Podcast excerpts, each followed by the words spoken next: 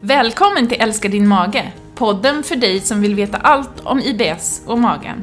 Här får du lyssna på ofiltrerat skitsnack av Sveriges IBS-experter, dietisterna Sofia Antonsson och Jeanette Steyer. Vill du veta mer om hur du kan ta kontroll över din mage redan idag? Gå in på bellybalance.se. Och glöm inte ladda ner appen Belly Balance, ett ovärderligt verktyg för alla FODMAPare där ute. Och nu är det dags att börja älska din mage. Avsnitt 6 av podden Älskar din mage och det är frågor och svar. Dags, välkomna! Välkomna ska ni vara. Idag då ska vi eh, ta upp de här eh, frågorna och svaren, eller vi tar upp frågorna och ger svaren. Ja, förhoppningsvis kan vi ge en del svar och en del att bara lyfta ämnet och prata lite omkring det. För att vi har ju inte alla svar. Vi har inte alla svar, men vi får in väldigt många frågor. Ja. Så vi tänker att vi eh, idag ska försöka ehm, ge någon typ av svar på de vanligaste frågorna som vi får in, som vi tänker att många kanske vill eh, veta lite mer om. Absolut. Mm. Och jag tyckte det var passande här efter att vi har gått igenom om FODMAP, vi har pratat om IBS. Eh, och i och med de här frågorna som vi kommer att ta upp idag så kommer vi också komma in lite på olika ämnen och förhoppningsvis då är det lite lärorikt och intressant även om man inte har ställt just den frågan själv så har vi nog lite bra tankar och eh, information omkring de olika frågorna och svaren. Ja, vi, vi tänker oss det. Vi kommer runt omkring tänkte vi. Högt och lågt, stort och smått. Det som eh, fler än vi tycker är intressant kanske då, Ja. när man faktiskt som lyssnare får eh, välja. Och jag tänkte att vi skulle börja med lite matfrågor, lite livsmedelsfrågor. Lättsmälta Lättsmälta, lättuggade eh, frågor Bra. om Ja. mat. Ja. Som vi får in, eh, också med tanke på kanske att vi har ändrat en del eh, i listor och Mm. eh, appar och sådär eh, på senare tid. Och ehm, jag får en del frågor om sojabönor, det här mysteriet som just Ja. nu ehm, då är lite kluvet. Därför att eh, vi säger ju att sojabönor i den här lilla gula formen, som de ju ofta ser ut, små runda pluttar, är inte tillåtna. Röda i elimineringsfasen. Ja, frid och fröjd. Sen kom ju då edamamebönan Ja. upp som en liten eh, bubblare här och eh, blev helt plötsligt tillåten. Ja. Men den bubblar inte. Nej. Precis därför den blev tillåten. Ja, så konstigt. Eh, och då måste vi ju reda ut vad är skillnaden mellan en sojaböna klassisk, och en edamameböna. Som inte ser lika, de ser inte likadana ut, men det är inte så lätt när man läser på förpackningen och det står sojabönor. Ja, vad är det för någonting då? Ja, det kan ju inte ens vi veta ibland. Det är, är det sojamjöl till exempel? Har man ingen aning om vilken böna de har malt till det här mjölet. Men man kan anta att i de flesta fall när det står sojamjöl eller sojabönor, prat, då är det liksom den här lilla gula varianten som inte är tillåten. Edamamebönan är ju den här skidbönan med det här ludna skalet. Du vet, man äter inte det. Ja, Ja. jag vet. Det är jättegott. Jag äter mycket edamamebönor. Ja, f- på krogen, när man står ute. Saltbegäret sätter in, man tar in en liten bricka Men med... då är det ju ett bra snack ändå. Ja. Tänk, ja, men nu, och nu finns de ju i frysdisken. Så att Ja. jag har dem alltid hemma i frysen. Jag Just tycker det är jättetrevligt att ha som ett, ett snack. Tänk på det nästa gång när du beställer charkplattan, att det går också att beställa edamamebönor En edamame, en bättre variant. Ja. Men, och edamamebönan är ju en, det är ju den omo, omogna varianten av sojabönan. Ja, Så, faktiskt. ja, och, den så- är lite grön och njurformad. Ja. Mera, de här små bönorna då. då. Och det är ju så med vissa livsmedel att mognadsprocesser och som jag pratade om tidigare, mognadsprocesser, Mm. tillagning, tillberedning kan ändra innehållet av eh, FODMAPs. Och i det här fallet är det då att det är mindre oligosackarider i den omogna sojabönan än i den mogna och torkade formen då som man ofta får dem i. Precis. Och då vill vi slå ett slag för de här edamamebönorna som är jättebra. Antingen köper man dem färdig eh, spritade eller så köper man dem som hela. får man sprita dem själv.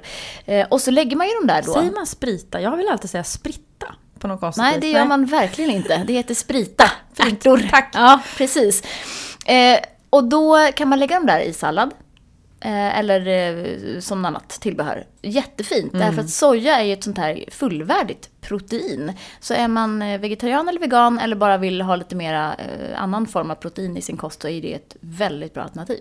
Men sen tänker jag också att man, det är precis som med allt annat. Återigen, man får testa också lite. Man kanske ja. inte börjar med att äta ett halvt kilo edamamabönor och tänka att det ska gå bra. Eh, utan man börjar i det små och känner av hur det, hur det känns. Mm. Jag såg att de hade det i de här salladsbarerna mm. som man plockar ihop på mm. Coop och så. Då har de naturella eh, sojabönor, edamamebönor. edamamebönor. Mm. Ja. Så att eh, de här snacksen då som har kommit i eh, torkad form, mycket, mycket sojabönor nu snacks, eh, är vanliga sojabönor vad jag har sett i alla fall. Mm. Det är inte edamamebönor som Nej. är torkade. Men det kan också stå på förpackningen att det är edamame i dem, mm. har jag sett någon gång. Så att, eh, Då kan man prova. Ta en flukt på mm. innehållet. Sen fick jag också en fråga om glycerol. Ja. Mm. Är det en FODMAP? Ja, både ja och nej. Mest nej, säger vi då. Eh, glycerol är ju en sockeralkohol, det som det slutar på OL. Men det är faktiskt ingen fara med den, till skillnad från mannitol och sorbitol som är väldigt eh, symptombildande ofta. Glycerol är en ganska liten molekyl en så kallad enkel sockeralkohol. Och den eh, tas faktiskt upp ganska fullständigt i tunntarmen. Så att eh, ser ni glycerol, som ju oftast används som vet jag, utfyllnadsmedel och så vidare i eh, massa saker, kanske främst eh, kosttillskott och tabletter och sådär, eh, så är det ingen fara. Mm. Det är sockeralkohol men den är, är, den är väl absorberad i tarmen och ger därför inga symptom och klassas inte som hög FODMAP. Så bra, mm. den behöver man inte vara så äh, rädd för då. Nej, exakt. Så ska jag fortsätta? Nej, ja, nu, nej, nu vill jag säga något. nu får du säga. Mm, bra. jag hade så många frågor Ja, men det är ju det. Du så, ja. sitter bara här och hoppar för, att få... Ja. Mm. Nej. Eh, jag tänkte också ta upp en liten sån här större fråga. Nu börjar du lite lätt här med olika livsmedel. Men en ganska vanlig och en stor och ganska svår liksom, fråga, eller man ska säga eh, mail i alla fall som vi får in of, ganska ofta i våran inkorg. Det är ju den här klassiska, hej jag heter Anna, jag är 37 år, jag har haft problem med min mage i 10 år eller så länge jag kan komma ihåg. Eh, jag har provat det här och det här och jag har varit olika läkare. Jag kanske, eh, man kanske har fått eh, diagnosen IBS eller så har man inte det ganska vanligt att man inte har fått den diagnosen även om man har blivit utredd och man har symptom ändå som som ändå talar för att det är IBS vi pratar om. Och att man är ganska uppgiven och orolig och inte vet vad man ska göra. Och så kanske man har ramlat in på vår hemsida eller har sett Sofie Antonsson i något TV-soffa eller ja, men, eh, läst någon artikel och liksom får en liten sån här undran över, mm. ja men ja, kan det här hjälpa mig? Det som ni har här, det här medlemskapet eller programmet Magbalans. För att man tycker ju att man har provat så himla mycket. Mm. Och då är ju och sen brukar man ha jättemånga andra frågor också. Mm. Och då brukar ju vi få lov att svara, liksom för det första att vi känner igen problematiken och vi förstår verkligen hur jobbigt det här är. Mm. För att vi möter så många människor som har det så jobbigt. Men också så att tyvärr kan vi inte sitta och ge råd via mail. Eh, det blir jättesvårt och det får vi inte heller göra. Man kan liksom inte sitta och ha personlig rådgivning på det sättet. Och vi är ju legitimerade dietister. Så att det kan vi inte göra. Men att vårt råd är ändå att men har man inte provat FODMAP ordentligt, mm. eh, har man inte fått med sig alla de här pusselbitarna, ja då blir ju ändå vår rekommendation att gå in och prova programmet Magbalans. Gör de här stegen, mm. gör FODMAP på rätt sätt och så även få med de andra bitarna som vi vet påverkar magen. Så att eh, även om man tycker att man har provat allt så har man inte provat det här så då är vår absoluta rekommendation att göra det. Och ge det en chans. Absolut, och det finns ju det är en undran. Mm. Det är en, en, stor undran just kring som du säger så här, men jag har ju provat allt redan. Hur, liksom, varför skulle det här hjälpa mig och sådär. Eh, vi vet ju att det hjälper och det hjälper de allra flesta. Och det som vi också jobbar mycket med det är ju den här, det här hjärnspöket. Alltså går man, och, går man och får symptom från ett område i kroppen och man börjar tänka på det här området så fäster ju hjärnan mer och mer mm. uppmärksamhet på just det här området. Eh, och genom att då börja med en kostomläggning så, så stoppar man ju lite grann signaleringen från tarmen till hjärnan och den här upptagenheten med det här området minskar helt plötsligt. Så att det blir en liksom det, det minskar stress och det minskar liksom funderingar på just det här området. Och sen kan man ta tag i, i resten sen. Men det är ju ändå en, en, en faktum att det här är en behandling och den är evidensbaserad, alltså vetenskapligt utvärderad och eh, den hjälper faktiskt väldigt, väldigt många. Mm. Och sen tror jag det, för många som återkopplar till oss också, så är det just det här att de tycker att de har fått ett verktyg. De liksom får ta, man får lite kontroll över situationen, man får testa saker, man får liksom eh, analysera lite på sig själv, kartlägga sig själv och, och, och få en massa kunskap och information som gör att man känner att nu har jag ändå lite kontroll. Jag kan jobba med det här på ett systematiskt sätt. Och så säger vi ju ingenstans att det här är ett quick fix, utan vi säger att det här är en, liksom en process och det kommer ta tid, men att eh, gör man det på rätt sätt så blir de allra flesta hjälpta. Ja. Eh, och för vissa är det kosten och den eh, livsstilen omkring hur och när och var man äter som har en stor betydelse och där man behöver ändra mycket. Och för andra är det mycket det här livsstilen i övrigt och stressen som påverkar. Och det där brukar man komma underfund med under den här resans gång, vad det är som just Absolut. man själv har. Absolut. Eh, vi kan ju jacka i med en fråga om, om eh, alternativa behandlingar där då. Eh, KBT fick vi en fråga om här. Ja. Hur funkar det egentligen med, eh, med IBS? Och det är ju, KBT är ju kognitiv beteendeterapi, en väldigt bra form av terapi, tycker jag. Absolut, ja. Man eh, fokuserar mycket på här och nu. Vad kan jag göra idag för att förändra mitt beteende eller eh, ja, ändra vanor eller bryta vanor eller vad det nu kan vara för Ett någonting. verktyg också Mm. att få. Mm. Verkligen. Men, i alla fall min erfarenhet, att eh, sysslar man med KBT specifikt riktat mot magproblem så går inte det ihop riktigt med det vi håller på med. Så att eh, och det, det här är ju liksom lite tvegat också. Vi träffar ju naturligtvis de patienter som kanske inte är så nöjda med den här KBTn och som inte har blivit hjälpta och så provar de nästa grej så kommer de till oss och säger att äh, det där med KBT var ju ingenting. Men faktum är ju att det är ju en del som blir hjälpta men de råden man får, alltså KBT är ju väldigt, alltså man ska exponera sig för det man är rädd för eller utsätta sig för saker som man är rädd för. Det funkar ju jättebra när det handlar om toaträning, att man ska våga gå på toaletten på sin arbetsplats eller i offentlig toalett eller så. Våga åka tåg eller gå ut eh, Ja överlag. men precis, liksom. Mm. det är ju jättebra. Men sen kommer då det problematiska och det är ju att eh, många eh, då som sysslar med KBT riktat till magen är av den inställningen eller har det som en, som en grundregel att man inte ska välja bort någonting i kosten. Du ska kunna äta allting och du ska kunna få liksom ett, ett självförtroende i att du kan äta allting och göra det du vill eh, obegränsat eller obehindrat. Och där skiljer sig våra uppfattningar ganska drastiskt. För vi vet ju vad som genererar symptom. Och då tänker vi att kan man då ta bort det från början så är det ju lite checkare. Jag har ju hört sådana här galna råd som att eh, äta lök eller pizza och gå och sätta sig på en biograf för att se att det värsta inte kommer att hända. Och det var ju faktiskt en, en patient som jag träffade, hon hade ju bajsat på sig på biografen. Det är ju inte så roligt. Eh, Aldrig roligt. Det är aldrig roligt. Eh, och eh, det, då får man ju också vatten på sin egen kvarn. Då blir man ju ännu mer liksom, orolig och begränsad. Så att nej, jag är inte alls enig i hur man jobbar med KBT och magbesvär. För vi vet så väl idag vad som orsakar problem eller symptom. Så att ta bort dem först och sen kan du ju få ett grundförtroende igen för att din mage inte ska ställa till det med någonting akut. Utan du kan sitta på en biograf för att du vet att du har ätit det som inte orsakar symptom. Så tänker jag. Och då kan man ju tänka sig att har man, startar man med kosten och känner att man behöver mera hjälp så kan ju KBT vara en, en jättebra fortsättning. Ja, Och om vissa saker har låst sig i beteenden och så vidare. Absolut. Men, men eh, att börja med kosten tycker vi är en väldigt, ett väldigt bra sätt att gripa an problematiken. Nej, men vi har ju också en, en, eh, det här kan vi väl ta upp som är, igen kanske, havren. För det är ju så bra ja, att säga det. ja. Ja.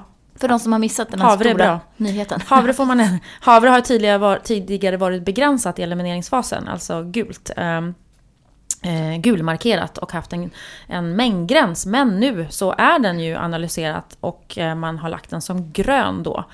Eh, vilket ju underlättar i elimineringsfasen att kunna använda havre, havregrynsgröt eller göra müsli eller baka med. Så det, och det är ju en väldigt bra fiber.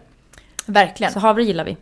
Den uppdateras eh, snart också i eh, appen. Och då blir ju allt havre. Alltså havremjöl, havredryck, eh, havre, sån här eh, ja, grädde och crème fraîche och sådär. Och eh, såklart vanlig havre, havregryn. Och då gäller ju naturligtvis ej fiberberikade havregryn som vi redan har pratat om, men det vill vi förtydliga. Där är det vetekli och det är inget bra för magen. Utan vanliga havregryn är numera eh, okej. Mm, Det är kul. Verkligen, Jätte, jättebra. Stor, stor nyhet. En stor glädje En stor- i våra liv. Ja, precis. I våra för övrigt ganska torftiga liv. Så då. Så gläds vi. Nej, Ja. men det här är en stor nyhet. Ja, det. Du, ehm, sen har du fått in lite såna här eh, hormon och sexlivsrelaterade frågor. Ja, precis. Det kom in en fråga här, eller en undran om vi kunde lyfta i podden. Eh, och det är också det här att vad vi får höra många som har det väldigt, väldigt jobbigt eh, med IBSen. Eh, och det här var en tjej som skrev, ehm, som handlade just om IBS och, ehm, och sex. Eh, det här är en tjej som är 28 år gammal. Hon har levt med IBS sedan tonåren. Jag har fått ganska bra hjälp av FODMAP-kost men jag är sällan helt bra utan är nästan alltid mer eller mindre förstoppad. Jag kan leva ett relativt normalt liv ändå, förutom på en punkt och det är mitt sexliv. Dels har jag ingen sexlust. Det känns som att tarmarna är i vägen och stoppar all kommunikation mellan underlivet och hjärnan. Jag får ofta svampinfektioner på grund av förstoppningen och det gör ofta ont i magen på olika ställen och jag upplever tryck och ångestliknande symptom när magen är uppblåst. Allt detta bidrar till brist på sexlust. Dessutom känner jag mig inte så attraktiv när magen är som en ballong. Det här är ett jättestort problem för mig och jag gissar på att jag inte är den enda som lider av detta. Här, har ni några råd? Och det här förstår man ju fruktansvärt jobbigt när det har låst sig så här. Nu är ju vi vare sig sex, vad heter det, sexologer eller vad heter det? Såna- Ja, men halvt kan man väl ändå säga. Eller? Ja, vi har ju haft sex. Men jag tycker Men, det är ja. jättebra att lyfta Ja, det här. verkligen. Och viktigt. För att det här är ju så här, precis som, som vi brukar säga att, att bajs och gaser är lite tabu fortfarande. Så kan ju det här att med sex och hur Mm. det fungerar med magen också kanske så här ämne som är så himla jobbigt att prata om så att man Mm. inte gör det. Ehm, och vad, ska, vad kan vi säga om det här då?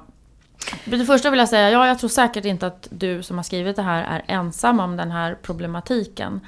Ehm, jag tänker mer så här, om man börjar i, i, i, i matändan, i förstoppningsändan då. Att man, hon har, man har fått hjälp av FODMAP, det fungerar ändå bra. Vad kan man göra mer då om man fortfarande är förstoppad? Man kanske behöver prova ett läkemedel att lägga till eller någonting annat för att få, få bukt med den här förstoppningen ännu mer. Att man liksom jobbar vidare med att hitta saker som hjälper. Vad tänker du? Jag tänker eh, absolut det, men jag tänker kanske magnesium i första Ja. hand. Eh, att man provar ett, ett preparat där. Det är ju sånt som är laxerande. Eh, och som de allra flesta med förstoppning faktiskt får hjälp med. Och sen är det här återigen definitionsfrågan på förstoppning. Eh, det kan ju vara så att man är uppblåst och gasig och känner att det är, man kanske går på toa regelbundet men ändå känner att det liksom inte är någon rullians i systemet. Så magnesium är väl bra, probiotika en bra sån. Innan du fortsätter, för då, förtydliga lite omkring magnesium så att man förstår hur, vad är det man gör och tar då, då om man ska få hjälp att det ska bli lite laxerande effekt. Alltså magnesium är ju en, det, det, har, har en osmotisk verkan i tarmen. Det vill säga ju, om man använder en, en magnesium med lite sämre sån här biotillgänglighet, alltså upp, absorptionsförmåga, eh, så går ju mesta delen ut i tarmen istället. Och där vill man ju kanske inte ha den om man är en, en, eh, har en snabb mage eller om man vill ha magnesiumets, liksom, eh, ja, man vill tillgodogöra sig magnesiumets fina egenskaper ute i muskler och celler och så vidare. Men eh, för de som är förstoppade så är det ju eh, ypperligt att få ner det här i tarmen. För då drar det ner vätska i tarmen nämligen. Precis som en FODMAP egentligen. Samma mekanism. Eh, och sen så får man då helt enkelt gå på toaletten. Blir lite laxerande. Ja. Avföringen kan bli lite lösare. Precis, Och vad är det utan för eh, gaser. magnesium man ska ta? Ja, alltså magnesiumoxid eller magnesiumcitrat brukar man ju prata om som de som är mest eh, laxerande. Och då tar man förslagsvis en dagsdos, det vill säga 300 milligram på kvällen. Eh, och så ser man hur det funkar. Och sen kan man öka den dosen om man nu känner att det gav ingen effekt. Eller så får man byta preparat. Alltså det här är väldigt individuellt. Men det finns inga biverkningar med magnesium annat än att man blir lös i magen. Så det är liksom ingen, ingen fara att ta det. Så det är bra, det kan man testa. Eh, eh, och annars så kan man ju också gå tillbaka till sin läkare och prata om, eh, finns det något preparat, annat preparat som jag kan prova om man har en svår förstoppning Ja. som man behöver hjälp med. För det finns några preparat som fungerar på, på vissa. Verkligen. Constella och Resolor för att nämna ett par då. Ja. Men de Eh, ger ju också biverkningar de ger ofta också i form biverkningar. av Precis, uppblåsthet och men, gaser och men Mm. eh, de finns där i alla fall, Mm. så vi får nämna dem. Ja. Eh, och vidare, vad sa du? Probiotika pratar du också om. Mm. Om man tänker att man har mycket svampinfektioner, det är någonting med eh, pH-värdet, bakteriefloran etc. som kanske inte är så bra. Det, är- det här är ju kanske ingen exakt eh, evidens på det här, men eh, jag vet att det är eh, en del som får också hjälp med att balansera bakteriefloran i, i slidan helt enkelt, av när man tar en probiotika. De här bakterierna liksom kan ju migrera runt i kroppen, det är det som är så fint. Att de kan ju sätta sig på andra platser, likväl som att man när man är gravid kan äta probiotika och den kan vandra över till fostret. Har man ju sett nu på senare tid. Så att en bra probiotika, och då brukar ju vi ju rekommendera en som heter Innate. Nu säger vi ett varumärke för den är så himla bra. Vi säljer inte den just för tillfället men vi ska nog kanske börja med det så småningom.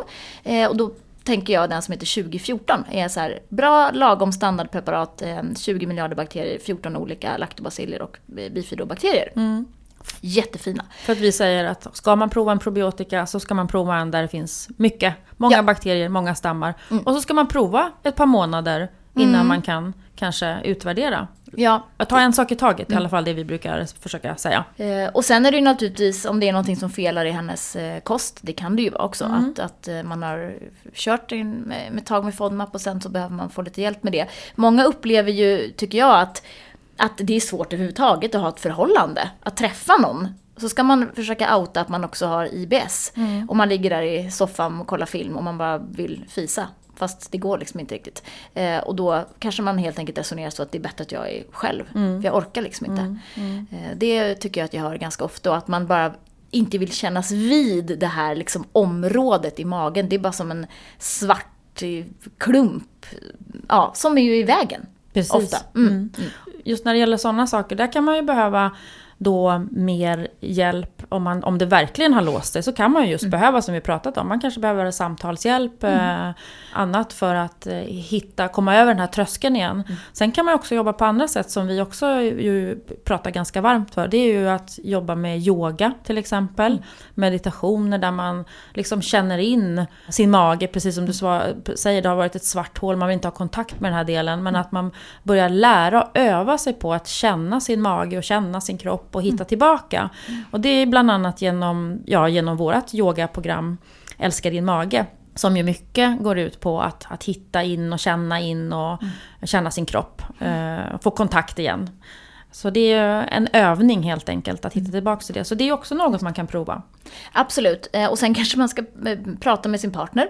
Ja. Eh, Det är klart att det är svårt att få den här förståelsen om, om han i det här fallet då liksom inte har IBS och kanske heller, alltså han kanske har svårt att sätta sig in i hur, det- hur svårt kan det vara. Ja. Eh, Lite gaser och sådär. Ja. Eh, Men det hjälper ju kanske i alla fall Ja. lite grann att få prata om att det här är liksom superbesvärligt. Och det blir ju som en, det blir som en hang-up. Man tänker ofta Elefanten i vardagsrummet.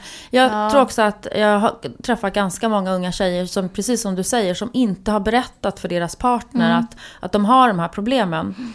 Så att om jag ska komma med något eh, råd så är det ju berätta ganska tidigt när du går in i ett förhållande. Du, jag ska bara tala om en sak. Mm. har en mage som är liksom väldigt krånglig, bara så att du förstår det här och vet det. Mm. Så då blir det mycket enklare än om det här bara får växa sig så stort och bara nu, jag- gud vad jobbigt, ska jag tala om det här nu efter ett år Mm. att jag har den här magen. Så outa det på första dejten. Gör det. Han kanske också har problem. Ja, precis. Ja, eller så kommer han på det på tionde dejten att du, jag har nog också lite IBS faktiskt. Exakt, Ja. det har man också hört om. Ja. Mm, precis. Ja, vi Det- hoppas att det var eh, lite svar och tankar omkring eh, det här problemet. ehm, I alla fall. Sen har vi fråga om mens. Ja, Ja. den svarar du på. Jaha, jag är det. Jag är den självutnämnda hormonexperten. Ja. Alltså, eh, ja, varför blir magen knasig kring mens? Ja.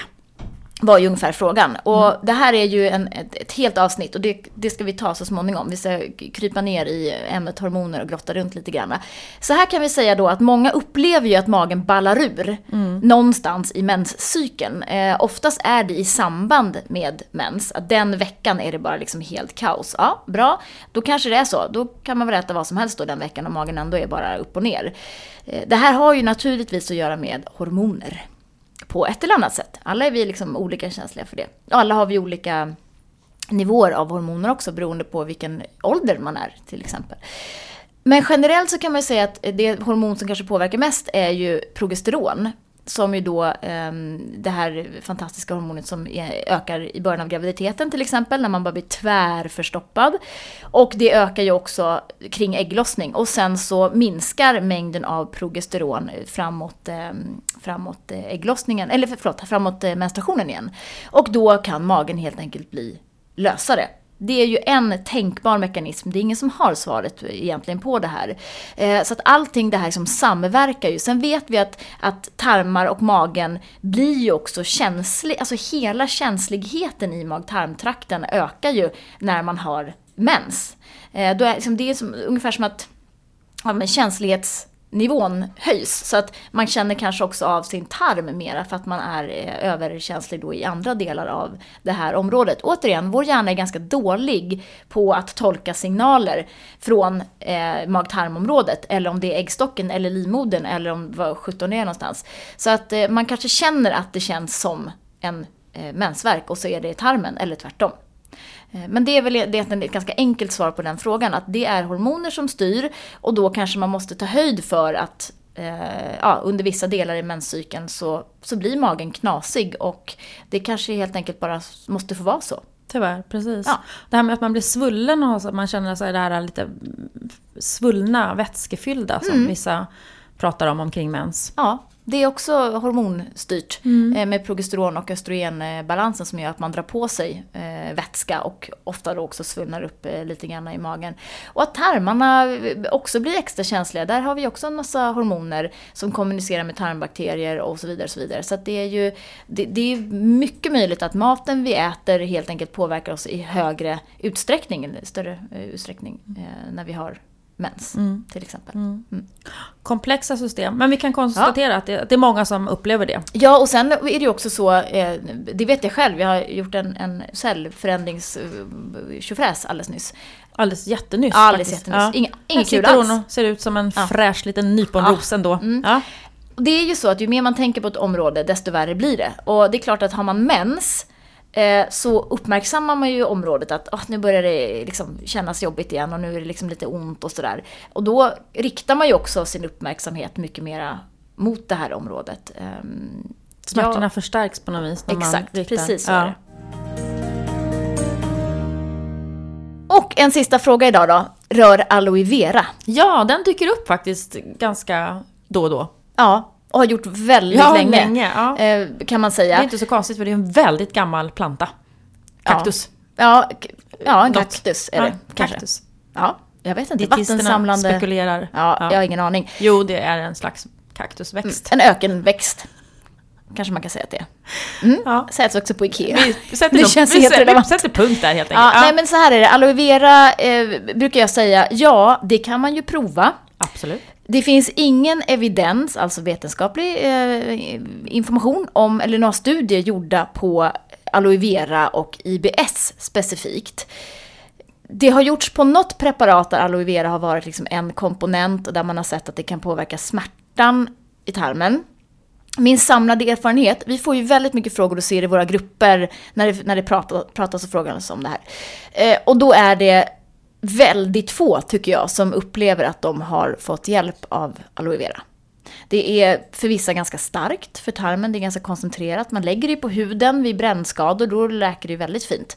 Men det kanske inte är samma sak i tarmen, vi vet faktiskt inte riktigt det. Eh, har man inflammatorisk tarmsjukdom vet jag att det finns ganska många läkare som avråder från att man ska ta aloe vera just för att det är ganska starkt för tarmen. Och sen kan det också innehålla FODMAPs, i form av honung. Just det, de här juicerna. Ja, juicer av aprikos mm. och persika och, och sorbitol är det i vissa av de här också. Så de är liksom inte kanske rena. Där får man se upp lite. Ja, mm. precis.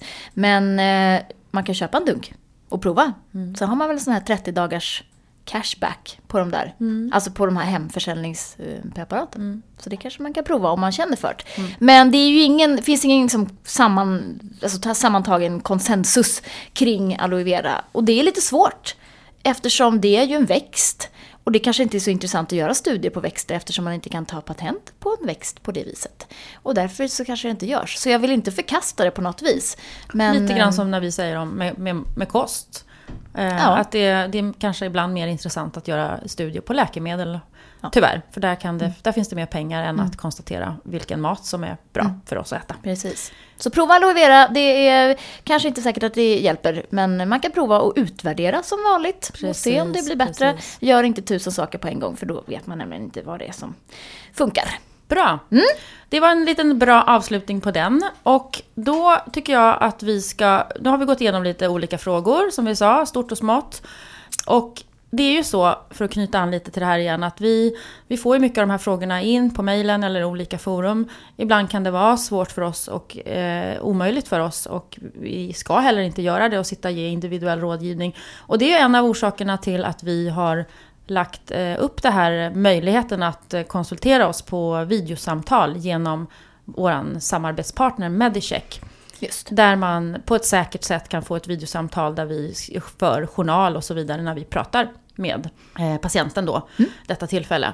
Och det fina i kråksången just nu är att Medicheck, detta fantastiska bolag, har då bestämt sig för att i november göra en kampanj till förmån för Barncancerfonden. Där de kommer att lägga upp eh, att man själv får välja hur mycket man vill betala för en konsultation. Allt ifrån 20 kronor till 500 kronor. För en kvart. För en kvart, precis. Eh, Och pengarna kommer att gå till Barncancerfonden. Och vi som är då ja, dietister och det finns ju läkare specialistläkare där. Eh, lägger ut tider helt enkelt som, som ni kan boka. Eh, vi kommer att komma tillbaks med lite mer information om det här på hemsidan och i våra nyhetsbrev. Eh, Men det är ju en ypperlig chans om man har frågor och fundera just på det här. Men är det här med FODMAP någonting för mig? Eller är det här programmet magbalans? Vad lär man sig? Eller jag har några frågor som jag vill, vill vända med, med en dietist som jobbar med det här. Man kanske har gått och fått hjälp och fastnat och bara vill ha några korta, snabba svar på, på det man undrar över. Då är ju en kvart ganska lagom faktiskt att bara bolla de frågorna och eh, så att man kommer vidare. Precis. Så att då kan man boka antingen Sofia Antonsson eller Jeanette Steyer. Vi kommer lä- lägga ut tider. Så Ja. håll utkik. Medicheck.se är adressen. Man loggar in med sitt mobila bank-id innan man bokar tiden. Så att Precis. det blir inte konfunderade utan ni, ni loggar in först och så letar ni upp oss dietister eh, där inne. Och så använder man Chrome som webbläsare. Ja, det måste man ju. Ja, för det är det som de har byggt upp det hela Just på. det. Men det märker ni när ni går in där. Ja. Och sen vill vi då som vanligt tacka Mag och tarmförbundet eh, för Jajamän. eh, spons på den här podden. Magotarm.se, där kan man gå in och läsa eh, massa bra saker. Och sen vill vi ju då säga gå in på vår hemsida, bellybalance.se, om ni känner att ni vill veta mer om eh, IBS, FODMAP, magen, eh, allt möjligt. Och sen vill vi också puffa för vår lilla app med Ja. listor med streckkodsläsare så att man faktiskt kan gå runt i butik och scanna varor och se om de funkar eller inte. Belly Balance heter den appen också. Precis. Chockerande. Ja. Och innan vi avslutar, vi måste puffa för en sak till. Du glömmer bort dig själv. Du ska stå på ett par mässor i den här helg och hålla föreläsning. Bland annat på Allt för hälsan. Ja, På söndag. På söndag. Den 12 blir det va? 12.45, 12.45 kan ni höra Sofia live. Pratbubblan. Prat- Heter den då. Ja. Alltså, själva Jag trodde du menade att du var en Ja. pratbubbla. Ja. Det också. Men eh, själva scenen heter Pratbubblan. Där står en liten pratbubbla och pratar. Mm. Där ska jag babbla på om, eh, om eh, fortsätta på Ja. ämnet och prata mycket tarmbakterier tänkte jag göra. Kul. Eh, som alla andra också ska prata om som är där nämligen. Mm. Vem säger vad om tarmbakterier? Eh, precis, och eh, Nyhetsmorgon. Måndag morgon 8 och 15 tänker jag fortsätta prata tarmbakterier och immunförsvar. Spännande. Vi försöker fortsätta sprida budskapet om magen, tarmarna, IBS Ja. och så vidare. Det gör vi. Tack för idag! Tack!